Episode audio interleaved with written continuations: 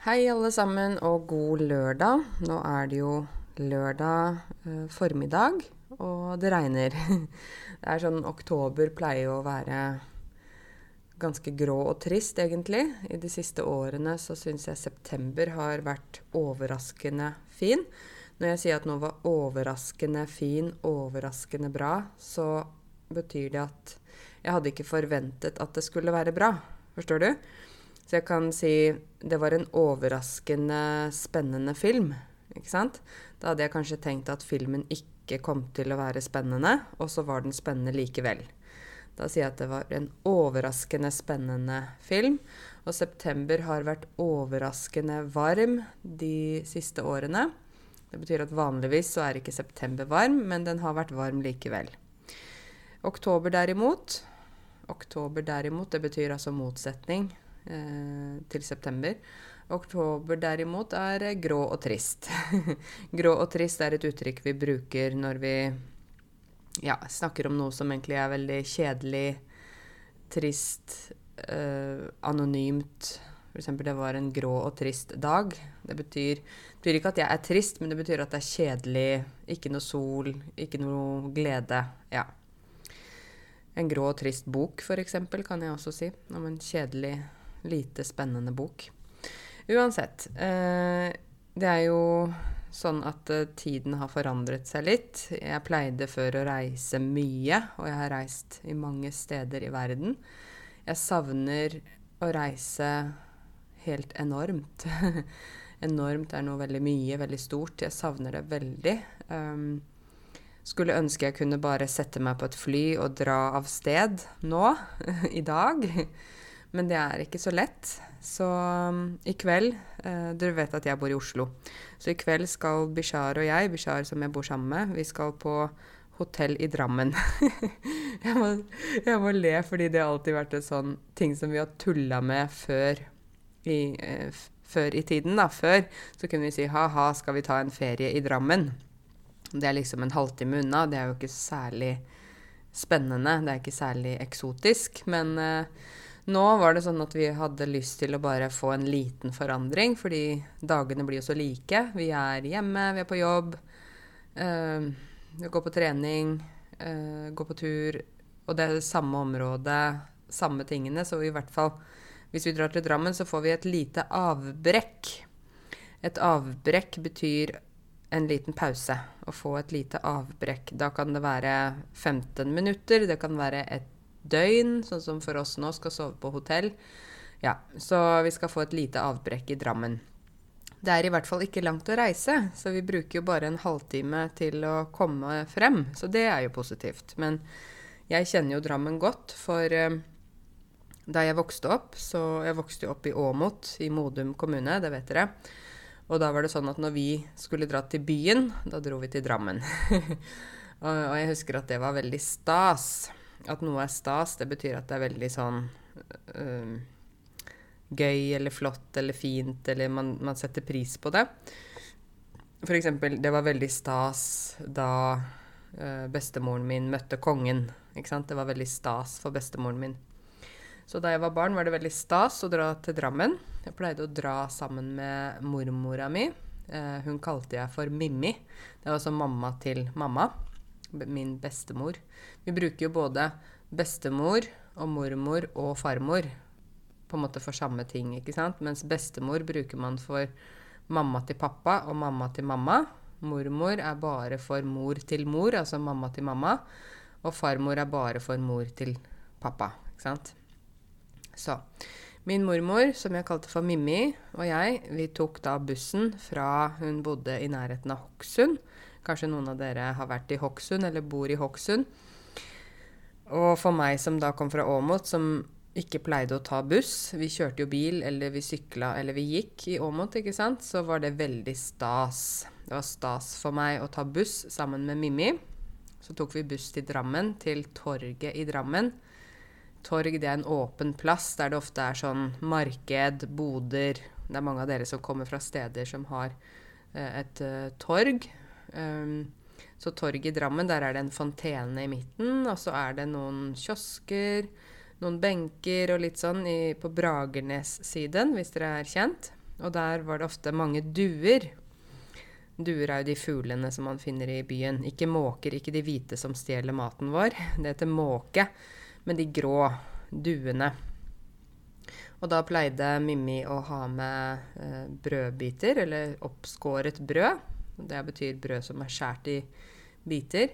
Og så pleide vi å mate duene på torget i Drammen. Og det var veldig stas. og så gikk vi kanskje og kjøpte oss en is. Og så gikk vi litt rundt i byen. Og jeg som ikke kom fra by, var jo ikke vant til at det var mange mennesker, at det var butikker, at det var trafikk.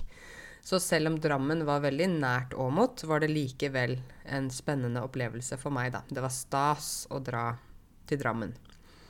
Eh, Drammen hadde jo i mange år et rykte på seg til å være en by som eh, var bare et veikryss.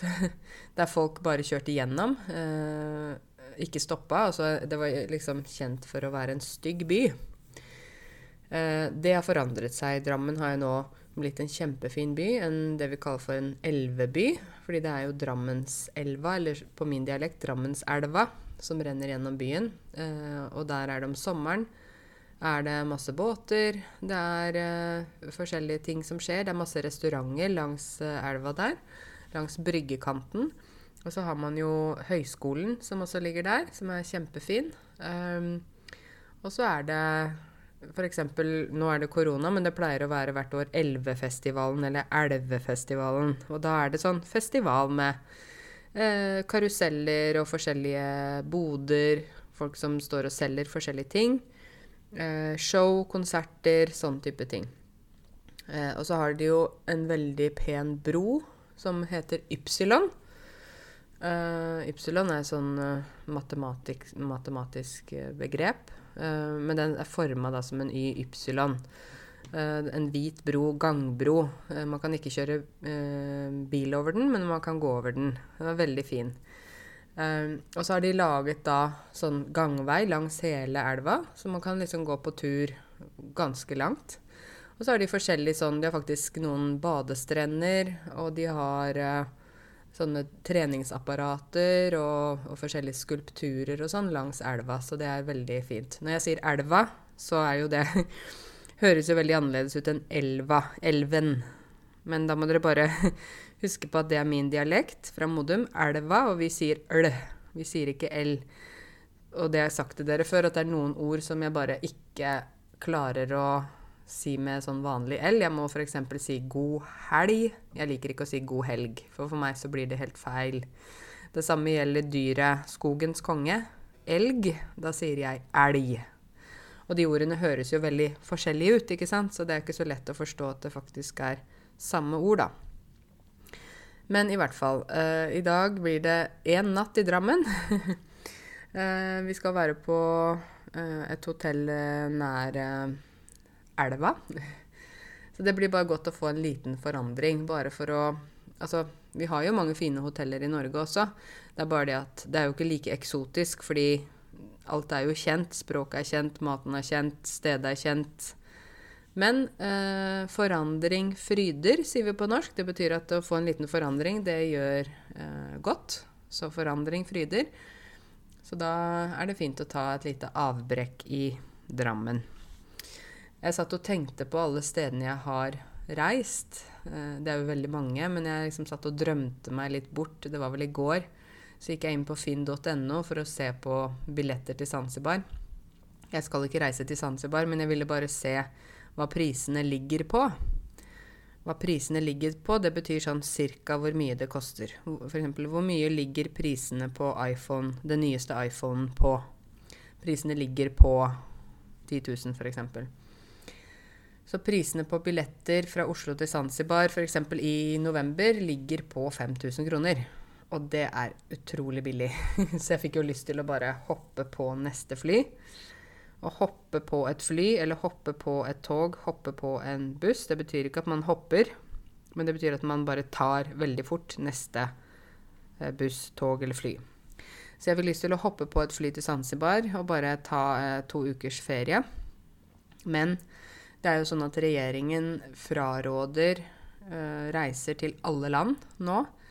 Um, og da betyr det at hvis man reiser, hvis man likevel absolutt reiser, så trosser man regjeringens uh, anbefalinger. Og trosse betyr å gå imot. Og i tillegg så blir det karantene og jeg vet jo ikke heller situasjonen med korona på Zanzibar, så det ville vært veldig dumt. Så jeg skal ikke reise, men jeg, jeg reiser i hodet mitt. jeg drømmer meg bort. Jeg bodde jo på Zanzibar i ett år, uh, og Zanzibar er, um, egentlig består av to øyer uh, rett utenfor Dar es Salaam i Tanzania, Øst-Afrika. Det er fantastisk der. Den øya jeg bodde på, heter Unguja. Og så er det en annen øy som heter Pemba. Um, og det er eh, veldig nydelig. Det er hvite sandstrender som ser ut som snø. Det er turkist hav. Altså havet er så eh, rent, fin farge, som turkis farge. Det er deilig og varmt. Det er eh, hyggelige mennesker. Uh, vakre hoteller, vakre steder du kan være på. Uh, spennende historie. Altså Zanzibar har jo vært en um, slaveøy før der slaver ble fraktet. Det var på en måte en slags mellomstasjon fra, eh, fra Afrika og videre til eh, arabiske land og forskjellige steder i verden. Så det er jo også en sånn trist historie med slavetiden. Men Zanzibar var jo på et tidspunkt et stort sultanat sammen med Oman. Der har jeg også vært. Um, og jeg leste jo en fin bok som het 'Memoirs of a Zanzibarian Princess'. Jeg vet ikke om jeg har snakket om den før, men um, 'Memoirs of a Zanzibarian Princess' det betyr 'minner fra en zanzibarisk prinsesse'. Og den boka ble skrevet av prinsesse Salme, som var en prinsesse under sultanatet da Zanzibar var på sitt største. Uh, Zanzibar og Oman var sammen et sultanat. Uh, og Zanzibar var særlig kjent for um, dyrking av uh, krydder. særlig da nellik. på engelsk kaller man det for clove. Nellik er det krydderet vi bruker mye til jul her i Norge, som vi også putter inn i mandarin. Vi putter sånne nellikspikere inn i mandarin og lager en kalender. Da vet dere kanskje hva jeg mener. Jeg bruker jo nellik av og til når jeg lager mat, men ikke for mye. Man må bruke bare litt. For bruker man for mye nellik, så blir det hele maten ødelagt. Men litt nellik, da kan det virkelig gjøre maten bedre. så det er et slags triks da, i matlagingsverdenen. Men eh, Zanzibar var i hvert fall en verdens største eksportør av nellik på et tidspunkt. Eh, og det var jo da en sultan, ikke sant, ikke konge, men sultan, det er mye likt der, som da både styrte over Oman og Zanzibar samtidig. Og prinsesse Salme hun var da datter av sultanen. Eh, og på den tiden så var det sånn at eh, jentene ikke fikk lov til å lære å lese og skrive. Men hun, eh, prinsesse Salme, hun lærte å lese og skrive av sin bror. Og han lærte henne dette her i hemmelighet. Uh, og etter hvert som hun ble eldre, så ble hun uh, belest. Hun kunne flere språk. Å være belest betyr at man har lest mye, man kan mye. Må bare ha litt kaffe her. Og uh, hun kunne både lese og skrive, var veldig interessert i det.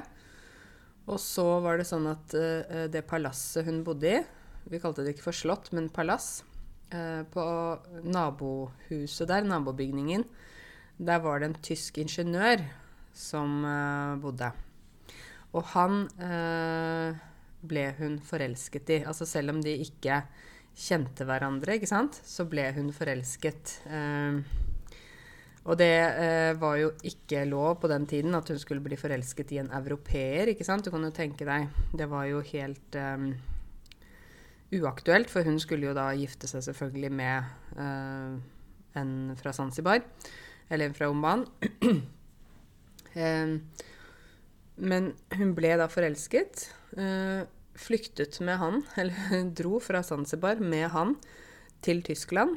og hun tok da nytt navn, Emily Root. Dere kan lese om henne på Wikipedia f.eks. Emily Ruete Emilie Ruete. En veldig spennende eh, historie. Så hun eh, dro da til Tyskland og var der i mange år. Eh, så hun var jo født på Zanzibar i 1844. Og så eh, flyttet hun da til eh, Tyskland, og det var der hun døde i 1924. Da var hun 79 år, så hun ble ganske gammel. Men hun reiste jo tilbake til Zanzibar etter uh, rundt 20 år i Tyskland, tror jeg. Og det var jo veldig spesielt, fordi at eh, for henne da Du vet hjemland, ikke sant? Du kjenner hjemlandet ditt og minner derfra. Mennesker, lukter. eh, ting du har opplevd, steder du savner. Ikke sant? Det er en del av deg, det er en del av din identitet. Så da prinsesse Salme kom tilbake til Zanzibar, um, ble hun uh, hun fikk sånn litt sånn nostalgi, nostalgisk eh, følelse, fordi at hun, eh, hun savnet eh, Zanzibar. Hun savnet maten, hun savnet eh, mange ting. Eh, og det var godt for henne å komme tilbake. Eh, så hun kom da tilbake i 1885 og i 1888 tre, to ganger. nei, unnskyld. Ja, to ganger. Uh, og faktisk mellom 1889 og 1914 så levde hun i Beirut i Libanon og i Jaffa, Jaffa. Så hun var eh, forut for sin tid. Å være forut for sin tid betyr at man er tidlig ute med ting. Eh, og det er jo bilder av henne på nettet, både av at hun er prinsesse Salme, eller Salma bint Saeed. Bint betyr jente, datter. Um, og så er det da Emily Root, som var den tyske versjonen. Da hadde hun eh, europeiske klær. Men det hun skrev i sin beretning, sin fortelling, da eh, Hun skrev jo at jeg forstår ikke Europa, så bærer dere rundt på ungene deres hele tiden, og dere styrer og stresser, mens vi lar barna være mer frie. Vi lar barna få utforske selv. Dere uh, putter barna inn i veldig mye systemer veldig tidlig. Vi lar barna heller få lov til å være barn. Så hun hadde Det var veldig interessant å lese, fordi hun hadde et blikk på fra på en måte østlig synspunkt mot det vestlige. For det er jo alltid veldig ofte Vesten som uh, prater om Østen, som prater om orientalske kulturer og, og, kritiserer også en del. Men her begynte hun faktisk å kritisere europeisk kultur. Hvordan man gjør det i Europa. Det finnes ikke så mange bøker den veien. Det finnes veldig mange bøker eh, og fortellinger mot å kritisere um, ja, Midtøsten, Afrika, sånne områder. Men ikke så mye den andre veien. Og særlig når hun skrev den boka, så var jo det veldig tidlig. Hun skrev jo en bok eh, som hun fikk gitt ut eh, mye tidligere enn hva Og særlig som kvinne, ikke sant. Så hvis dere kan lese engelsk, så anbefaler jeg dere absolutt å lese den boka som heter 'Memoirs of a Zanzibarian Princess'. Uh, det kan også hende dere finner den under 'Memoirs of an Arabian Princess from Zanzibar'. Altså en av de der, Men det var veldig spennende å lese. Og for meg, som da bodde på Zanzibar et år, så var det veldig spennende å lese om hennes historie. Og i senere tid har jeg også vært uh, i Oman for å se hvordan Oman og Zanzibar på en måte Den linken mellom de to uh, stedene, da. Det var veldig fint. Jeg så jo mye uh, som jeg så på Zanzibar, så jeg også i Oman. Så jeg fikk sånn god følelse av det, egentlig. Så det er jo noen steder jeg har reist. jeg har jo også vært i Thailand. Det syns jeg var et fantastisk land. Veldig hyggelige mennesker. Deilig mat. Um, nydelig natur. Uh, det var litt mange turister der, syns jeg, da var i, i Thailand. Men uh, jeg husker jeg og min kusine fikk veldig billige billetter. Vi reiste sammen, og vi fikk to uker med fint hotell og fly for 6000 kroner. Det husker jeg syntes var veldig billig. Deilig mat på hotell og alt mulig, så var vi heldige. Det var i Thailand. Og jeg har vært på Filippinene. Eh, der har jeg vært både i Manila og eh, Tagaytay, hvis noen av dere kjenner til det stedet. Det er sånn sted der det er en inaktiv, da, vulkan eh, blant annet. Og der jobbet jeg på sånn sommerleir for barn i en måned. Det var i 2011. Uh, og da jeg, hadde jeg med meg fire norske barn, uh, og vi var på en fredsleir for barn. Uh, og den fredsleiren het Children's International Summer Villages, altså CISV. Kanskje noen av dere til og med kjenner den organisasjonen. men det var veldig fint å være der en hel måned. Og det var barn fra tolv land, så det var jo totalt 48 barn. Jeg hadde med meg fire. Så hver leder fra hvert land hadde med seg fire barn. Eh, og to gutter og to jenter. Og så var det totalt 48 barn. Så var vi tolv ledere fra tolv land. Og så var det også en stab, en gruppe som var fra Filippinene, som liksom hadde organisert leiren. Og dette er ikke bare en én leir, dette er jo et stort nettverk over hele verden som eh, Det ble startet eh, av en amerikansk barnepsykolog som het Doris Allen. Uh, etter andre verdenskrig. Og det var jo da vi hadde vært gjennom på en måte så mange uh, runder med krig, elendighet og sånne ting, så ble det da denne her barneleiren opprettet etter andre verdenskrig, i 1951. Uh, og da var faktisk Norge med på den første uh, barneleiren i um, eh, 1951. Og vi har jo vært med siden. For Norge er jo kjent som et uh, fredsbevarende land. Altså vi, vi, er jo ganske nøytrale politisk og sånn, og religiøst. Så vi kan fungere som Vi kan være en nasjon som kan være et bindeledd mellom flere land.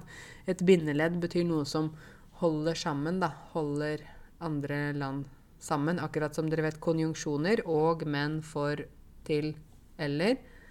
Nei, og, men, for, så, eller. Ja. Det er bindeledd mellom to helsetninger. Og Norge kan være et bindeledd mellom to land, eller flere land, som har um, uenigheter eller problemer.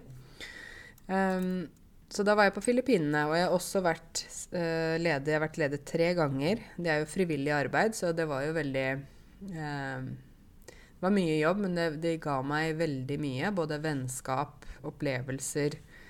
Uh, ja, fantastisk. Så um, hvis dere har barn som er da ti år, blir elleve neste sommer Jeg får vel håpe at kanskje koronaviruset har gitt seg neste sommer, men da er det i hvert fall mulighet for å reise sende barna på én måneds sommerleir med CISV.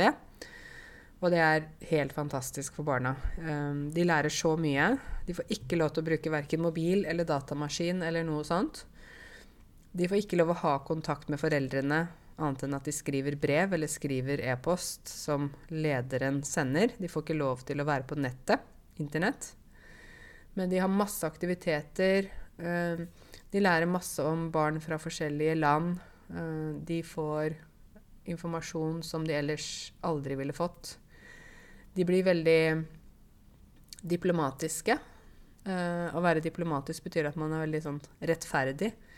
De lærer om forskjellige land, kulturer, tradisjoner, religioner, og de kan klare å eksistere i en verden sammen med andre uten at de skal komme med sine meninger og være vanskelige eller gjøre det til et problem. Så uh, eh, CISV er fantastisk. Sjekk det ut hvis du har barn uh, som Det er jo ikke alle barn kanskje heller som kan klare å være på en sånn leir. Så det er jo faktisk noen barn som søker om å uh, få være med på sommerleir, og så får de nei fordi de kanskje ikke er modne. det å være moden betyr at man er klar, akkurat som et eple er modent. Da kan vi spise det. Hvis eplet er umodent, umodent, sier vi, da kan du ikke spise det. Så hvis et barn er modent for å reise på en sånn leir, så kan de reise. Hvis et barn ikke er modent, så kan de ikke reise, for de er ikke klare, ikke sant. Men i hvert fall, jeg har jo hatt med meg totalt tolv barn. Ikke sant? Fire hver gang. Tre forskjellige leire. Én leir i Norge, én leir i Strasbourg i Frankrike og en leir i Tagaytay på Filippinene. Så det har jeg gjort tre ganger. Jeg har jobbet mye frivillig, egentlig. Uh, det gjør jeg også nå når jeg snakker til dere. Dette er jo frivillig arbeid, det jeg driver med med podkast og sånn. Men for meg så tenker jeg uh, Hvis jeg kan gi noe til andre som andre kan få nytte av, da. Om det er å hjelpe noen, om det er å um, lage podkast eller uh, jobbe med barn innen idrett, ja, et eller annet, så tenker jeg at jeg Jeg vil gjerne bruke litt av min tid på å gjøre noe frivillig. Fordi jeg har tid til det. Jeg kan gjøre noen ting. Og det kan vi alle. Uh, og i Norge så er det mye frivillig arbeid, egentlig. Vi er vant til det. Uh, det er også positivt på CV hvis du har gjort noe frivillig. Hvis du har tatt ansvar og om det er å være på Røde Kors eller Frivillighetssentralen, eller om det er å være fotballtrener for uh, et lag med gutter eller jenter som spiller fotball. Ja, alt sånne ting. Det, det teller positivt. At noe teller positivt, betyr at det har positiv effekt da, på særlig det med CV og jobbsøknad. Fordi hvis du har jobbet noe frivillig, så sier det noe om hvem du er, og hva du står for. Og også at du er en snill person, sjenerøs person og sånne ting. Så det med frivillig arbeid betyr mye uh, utover bare det å hjelpe andre også. Så jeg sier jo alltid at uh, hvis du har litt tid til overs, så engasjer deg. Bli med på noe der du bor, uh, og få erfaring. Få nye vennskap. Det er også en måte å bli kjent med nordmenn på, faktisk. hvis du gjør noe frivillig. Så det, det anbefaler jeg. Når det gjelder um, reise ellers, jeg må fortelle dere litt om forskjellige steder jeg har vært. Jeg har vært så mange spennende steder. jeg har jo vært på Kapp Verde. Der ligger utenfor Senegal i Vest-Afrika. Da var jeg i 2007 sammen med en venninne. Vi var på reise der. Det var veldig flott. Uh, veldig spennende sted, egentlig. Det var litt sånn Jeg var på en øy som het Sal, uh, og Sal jo, betyr salt på uh, portugisisk, tror jeg, og kreol. Um, så var, den øya hadde ikke så mye vegetasjon, egentlig, for det var mye sand der. Men det er mange andre øyer som tilhører Kapp Verde, som er uh, veldig frodige. At noe er frodig, betyr at akkurat som regnskogen er frodig, uh, Amazonas, det vokser masse trær og planter og sånn, så er det da frodig natur. Uh, og der snakker de jo kreol, som er en slags blanding av portugisisk og noe annet. De snakker uh, fransk en del fordi de kommer fra Senegal og bor der. Uh, og de snakker portugisisk. Ja, det er mange språk. Og jeg må si at menneskene på Kapp Verde er utrolig vakre, mange. fordi Kapp Verde har jo tidligere vært uh, portugisisk. så portugiserne har jo vært der lenge, så de har portugisisk kultur. Så har de sterkt knyttet med Brasil. Det er naturlig at det har tilknytning der. Og så er de sterkt knyttet til Senegal. Og når du blander alle disse kulturene sammen, da, pluss at europeere har vært der, og, og forskjellige folk har da levd sammen og eh, fått barn og sånn, så der kan du finne altså mennesker som har gyllen hud. Gyllen hud betyr slags veldig fin brunfarge. Sånn, og så kan de kanskje ha knall grønne øyne. Knall grønne betyr sånn skikkelig grønne øyne. Og krøllete hår, sånn som mange afrikanere har sånn vi kaller for krus. Sånn krusete hår, sånn små, små, små krøller.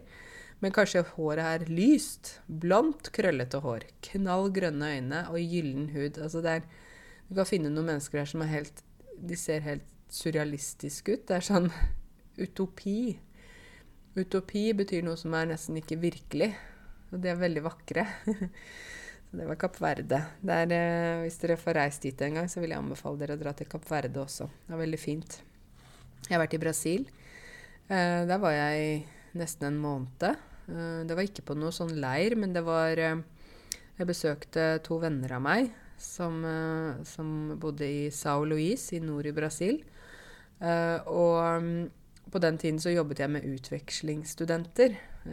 Det betyr studenter som skal reise på utveksling, altså til et annet land, for en periode. Så dette var utvekslingsstudenter på videregående skole. vi kaller på engelsk sånn exchange student um, på liksom videregående, high school. Og de jeg jobbet med sammen i Brasil, de um, hadde jeg veldig godt samarbeid med. Og vi prøvde å få norske ungdommer og brasilianske ungdommer til å reise til hverandres land for et år. Gå på videregående i Altså at brasilianere skulle gå på videregående i Norge i et år, og at uh, norske ungdommer skulle gå på videregående i Brasil et år. Og jeg prøvde også å få norske ungdommer, særlig ungdommer fra Stavanger, til å forstå at uh, Norge og Brasil har et tett samarbeid når det gjelder olje og oljeindustrien. Så f.eks. Petrobras, som dere som kanskje er brasilianske og hører på meg, kjenner til. Um, så jeg fikk faktisk en del ungdommer til å reise til Brasil. Og de bodde da et år i Sao Luis, nord i Brasil. I Maranhão, som er en provins. Uh, og de stortrivdes. De hadde det så bra. De lærte portugisisk. De bodde i veldig fine, hyggelige familier. De lærte seg samba. Uh, ja, de fikk en veldig fin opplevelse det året. Og det er jo sånn For meg så er det sånn at reising det tar jeg med meg i hjertet mitt. Det tar jeg med meg uansett hvor jeg går. Eh, det er en del av meg. Og alle minnene alle de fine menneskene og alle stedene jeg har vært, det kommer jeg aldri til å glemme. Ikke sant? Det blir en del av meg, integrert i meg. Um, så jeg syns det er veldig fint å ha disse opplevelsene med meg da, i hjertet mitt. Uh, og også i møte med dere. fordi at uh, når jeg har vært i mange forskjellige land, så kan jeg også forstå dere bedre. Ikke sant? Jeg kan relatere til ting dere snakker om, ting som er viktige for dere. Rett og slett fordi jeg har erfaring med det, og jeg har blitt eksponert for deres kultur, da. Eh, så Brasil er bare et fantastisk land. Det er kjempestort. Um, du har liksom fra nord til sør. Uh, og mange brasilianere reiser bare i Brasil fordi det er nok uh, å gjøre der. Du har jo Amazonas, ikke sant. Du har I nord så har du jo uh, ørken. Du har noe som heter Lensois National Park. Det er en stor ørken der det, når det er regntid, så regner det. Og så blir vannet værende. Så det blir sånne slags mini-mini små sjøer som ikke fordamper. At, noe, at vann fordamper, da blir vann borte. Men vannet blir ikke borte. Det er der en periode. Så da kan du gå i ørkenen, svømme i disse små eh, vanndammene og rulle ned i sanda fra, fra, toppen av ørkendynene. Dyne er jo det vi sover med om natta. Pute og dyne. Men vi sier jo ørkendyner. Det er disse her når du ser sand legger seg sånn fint. Man kan rulle ned en ørkendyne, svømme i vannet og gå opp igjen på andre siden. Dere kan søke på Google Lensois National Park. Altså L-E-N-C-O-I-S. Lensois. Det er fantastisk. Jeg har vært i Rio, eller som dere som snakker eh, portugisisk, sier ikke Rio, dere sier Hio. Jeg var i Hio de Janeiro. Rio de Janeiro, sier vi på norsk. Og det var også kjempefint. Se Copacabana, se Ipanema. Eh, jeg gikk opp til denne Jesus-statuen, denne store, gigantiske Jesus-statuen som står i Rio. Jeg var på Sukkertoppen. Um, jeg var ute og dansa. Uh, åh, jeg drømmer meg bort nå. Jeg savner det så. Så det var også fantastisk. Um, så Brasil, dere. Brasil er et spennende land. Og så er menneskene veldig hyggelige. Uh, de er veldig glade. De um, liker å danse, liker å bevege seg. De er veldig livlige. Uh, de smiler, de er veldig Ja, og så elsker de fotball. Så jeg var jo der i 2010, da det var VM. Det husker jeg veldig godt. Og jeg husker at jeg var der da Brasil tapte mot Nederland. Og det var et stort nederlag. Altså nederlag betyr at det er skikkelig, skikkelig skuffelse. Og da var det landesorg i to-tre dager. Landesorg Eh, er det når f.eks. en eh, statsminister dør som man er veldig glad i, eller at uh, f.eks. 22.07. her med Anders Behring Breivik, da var det landesorg i Norge. Da betyr at hele landet er i sorg.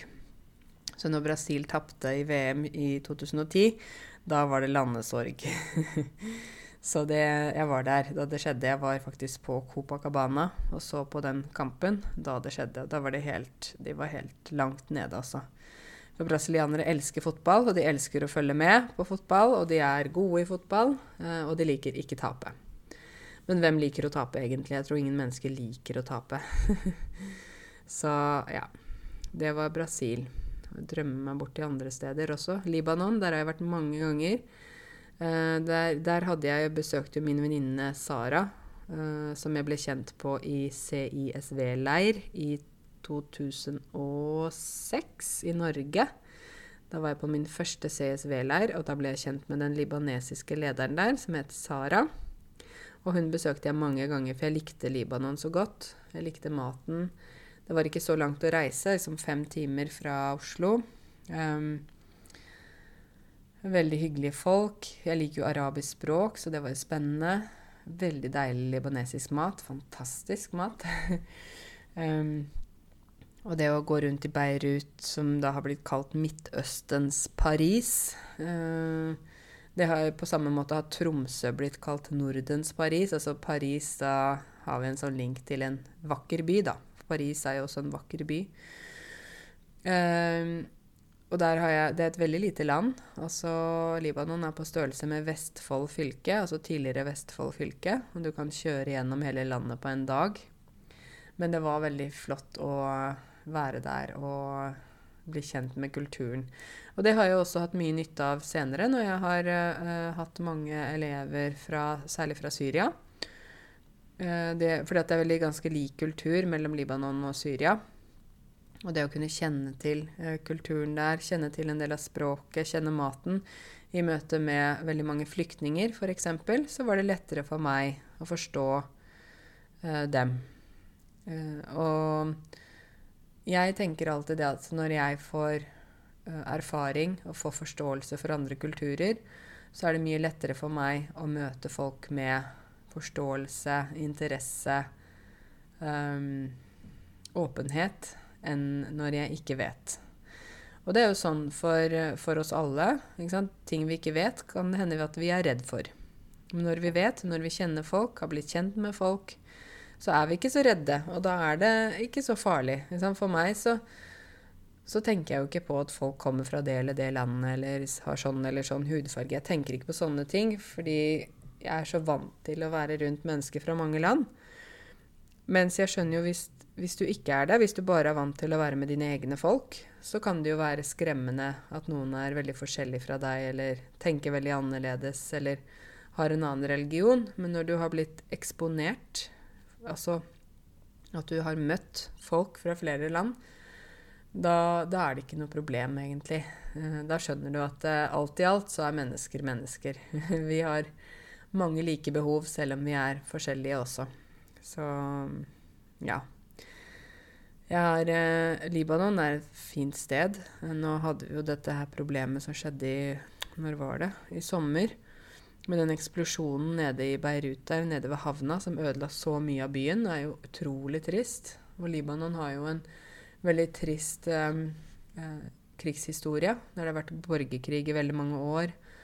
Eh, og mye som har skjedd. Det var jo også en kort krig i 2006 Faktisk da jeg, jeg, og Sara, lederen for libanesiske delegasjonen, var på fredsleir i Norge, så det, var det et bombeattentat uh, den sommeren i 2006. Og når Sara og hennes da fire barn, som hun hadde ansvar for på leiren, skulle tilbake til Libanon, så kunne de ikke dra direkte til Libanon, fordi at det var ikke trygt å dra til Beirut. Så de måtte dra via Jordan å være der en periode. Uh, og det var jo rart ikke sant, å være på en fredsleir der uh, det faktisk oppsto krig i et av landene som var representert. Og da husker jeg også vi hadde um, en uh, juniorleder, fordi på disse leirene så er det seks juniorledere, altså seks ungdommer som reiser selvstendig. Det var en juniorleder fra Israel der. Og det som var veldig fint å se, fordi Libanon og Israel har jo hatt mye de, de, er ikke så gode venner på en måte som land, da. Uh, dette har jo å gjøre med Palestina og dette her også. Men denne juniorlederen fra Israel og barna fra Libanon, de ble jo kjempeglade i hverandre. Og de ble veldig nære. Og, og, og det var veldig fint å se, fordi alt i alt så handler det om mennesker som møtes, ikke sant? Og, de, og han juniorlederen som bare var 17 år, fra Israel, han holdt rundt de libanesiske barna, klemte de og gråt sammen med de. Så det var veldig rørende å se. At noe er rørende, betyr at man lett gråter fordi det er fint eller trist eller noe sånt. Det er rørende. Da, da gråter man. Damer gråter litt lettere enn menn, da. F.eks. når man ser på en film, så kan det være en rørende film, og så gråter man fordi det er noe fint som skjer i filmen. Men uh, ja, det var uh, det var sånn det var. Så dette er jeg opptatt av, det møtet mellom mennesker. Og når jeg også møter dere, mange av dere som møter meg på gata eller hilser på meg, eller så for meg så er det møtet mellom meg og deg. Det er ikke liksom hvem, du, hvem er du, hvor kommer du fra, hva, hva, hva. Det er mer sånn uh, Hei, hyggelig å hilse på deg, og Ikke sant? Mer sånn, da. Så jeg syns at vi alle skal bli litt flinkere til det. Og se mennesket for mennesket, ikke måtte nødvendigvis begynne å kategorisere. Ikke sant? Putte folk i bokser og si, snakke om stereotyper og sånt. Ja. Eh, jeg har også vært i Jordan, det har jeg snakket om før. Og Jordan var øh, fint, men jeg syns det var litt Særlig i Amman, som er hovedstaden, så syns jeg det var litt tungt. Det var litt tung atmosfære. Jeg vet ikke hvorfor. Jeg likte veldig godt da vi dro til Petra, eller på arabisk Al-Betra. Dere vet hva jeg mener da. Det likte jeg veldig godt. Um, og så dro vi også til Dødehavet. Svømte i Dødehavet og fløyt. Det var jo så mye salt i vannet at du flyter opp, ikke sant. Og da så vi faktisk over til Israel. Um, da vi lå der og Jeg og Zaineb, venninna mi, reisevenninna mi, som jeg har reist mye sammen med. Men det var jo også veldig og et spennende land med mye, mye historie, altså. Vi går liksom 10 000 år tilbake, 15 000 år tilbake, og de har funnet gjenstander fra så lang tid tilbake, så det er jo helt utrolig, egentlig. Så disse gamle sivilisasjonene er jeg veldig interessert i, for de er veldig interessert i historie. Jeg har jo veldig lyst til å reise i Nord-Afrika. Tunisia, Marokko, Egypt, Algerie, disse landene der. Uh, gå litt i de sporene. Å gå i spor betyr Spor er det når du trykker skoen ned i bakken, i snø eller i søle eller noe sånt, så blir fotavtrykket der. Og så kan noen gå i samme spor som deg, ikke sant. Men det kan også bety å gå i noen spor, betyr å gå, gjøre som folk har gjort før, da. Så jeg kunne tenke meg å dra og se mange av disse historiske stedene, for jeg tror det er fantastisk spennende. Um, ja. Og så vet dere at jeg har bodd i Canada. Dere vet at jeg har bodd på Zanzibar. Dere vet at jeg elsker å reise. Jeg har fortalt litt om steder jeg har vært nå, bare fordi at jeg drømmer litt. Jeg savner å reise. Jeg savner å være der ute i verden og få enda mer informasjon, lære mer. Lære mer om dere også. Når jeg reiser ut, så reiser jeg samtidig innvendig i meg, ikke sant? Og lære mer og, og bli klo klokere, forhåpentligvis. Litt klokere. så dette med korona har jo satt en stopper for veldig mye. Men det gjør også at jeg må sette pris på det jeg har, og ikke hele tiden OK, nytt sted, nytt sted, reise, reise, reise. At jeg må liksom også være glad for det jeg har fått oppleve, da. Jeg har jo også vært veldig heldig som har fått vært så mange steder.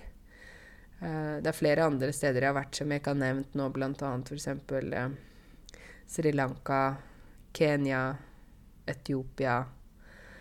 Og det er så veldig mange land i Europa. Uh, USA. Hawaii. um, ja, det er mange steder, og mange steder jeg har lyst til å reise. Uh, og jeg vil fortsette å reise når jeg kan igjen. Um, så jeg håper at Ikke bare pga. reising, da, men jeg håper at dette med korona etter hvert vil avta. At noe avtar. Det betyr at det blir mindre. Um, I Oslo nå så er vi, vi er røde i Oslo. Det er høyt smittetall her. Um, og det er jo nå at vi er på den andre bølgen, sier de. Først kom første bølgen, da det var veldig, veldig mye smitte. Og så kom den andre bølgen, som vi er inne i nå. Og det er forventet. De forventet at det kom til å bli sånn. Så jeg øh, Jeg prøver bare å holde avstand. ha hjemmekontor eller ikke treffe så mange, eller ta møte på nett og sånne ting. Uh, og alle må jo selvfølgelig bare prøve å passe på seg selv med både munnbind og håndvask og alt det der. Um, og det er litt viktig å ikke glemme det òg, for man kan fort glemme det og tenke ja, ja, men nå er det greit, ikke sant. Men jeg syns vi må huske på det hele tiden inntil dette her tar slutt. Inntil vi får en vaksine, eller inntil uh, ja, ja, rett og slett inntil vi får en vaksine. Så må vi bare fortsette å være uh, strenge og være disiplinerte når det gjelder dette her, da. Så ja. Men dere, nå har jeg snakka mye. Jeg håper at eh, det var interessant for dere å høre om mine reisemål. Og så eh, håper jeg at vi eh, alle sammen får ut og reise snart igjen, og ut og feriere litt og gjøre litt forskjellige ting. Jeg skal drømme meg bort til Zanzibar, men uh, i kveld så skal jeg sove i Drammen, på hotell i Drammen. Så det, det blir fint, det også. Jeg gleder meg til det også. Så ønsker dere en riktig god helg videre, og takk for at dere lyttet til podkasten min. Vi høres.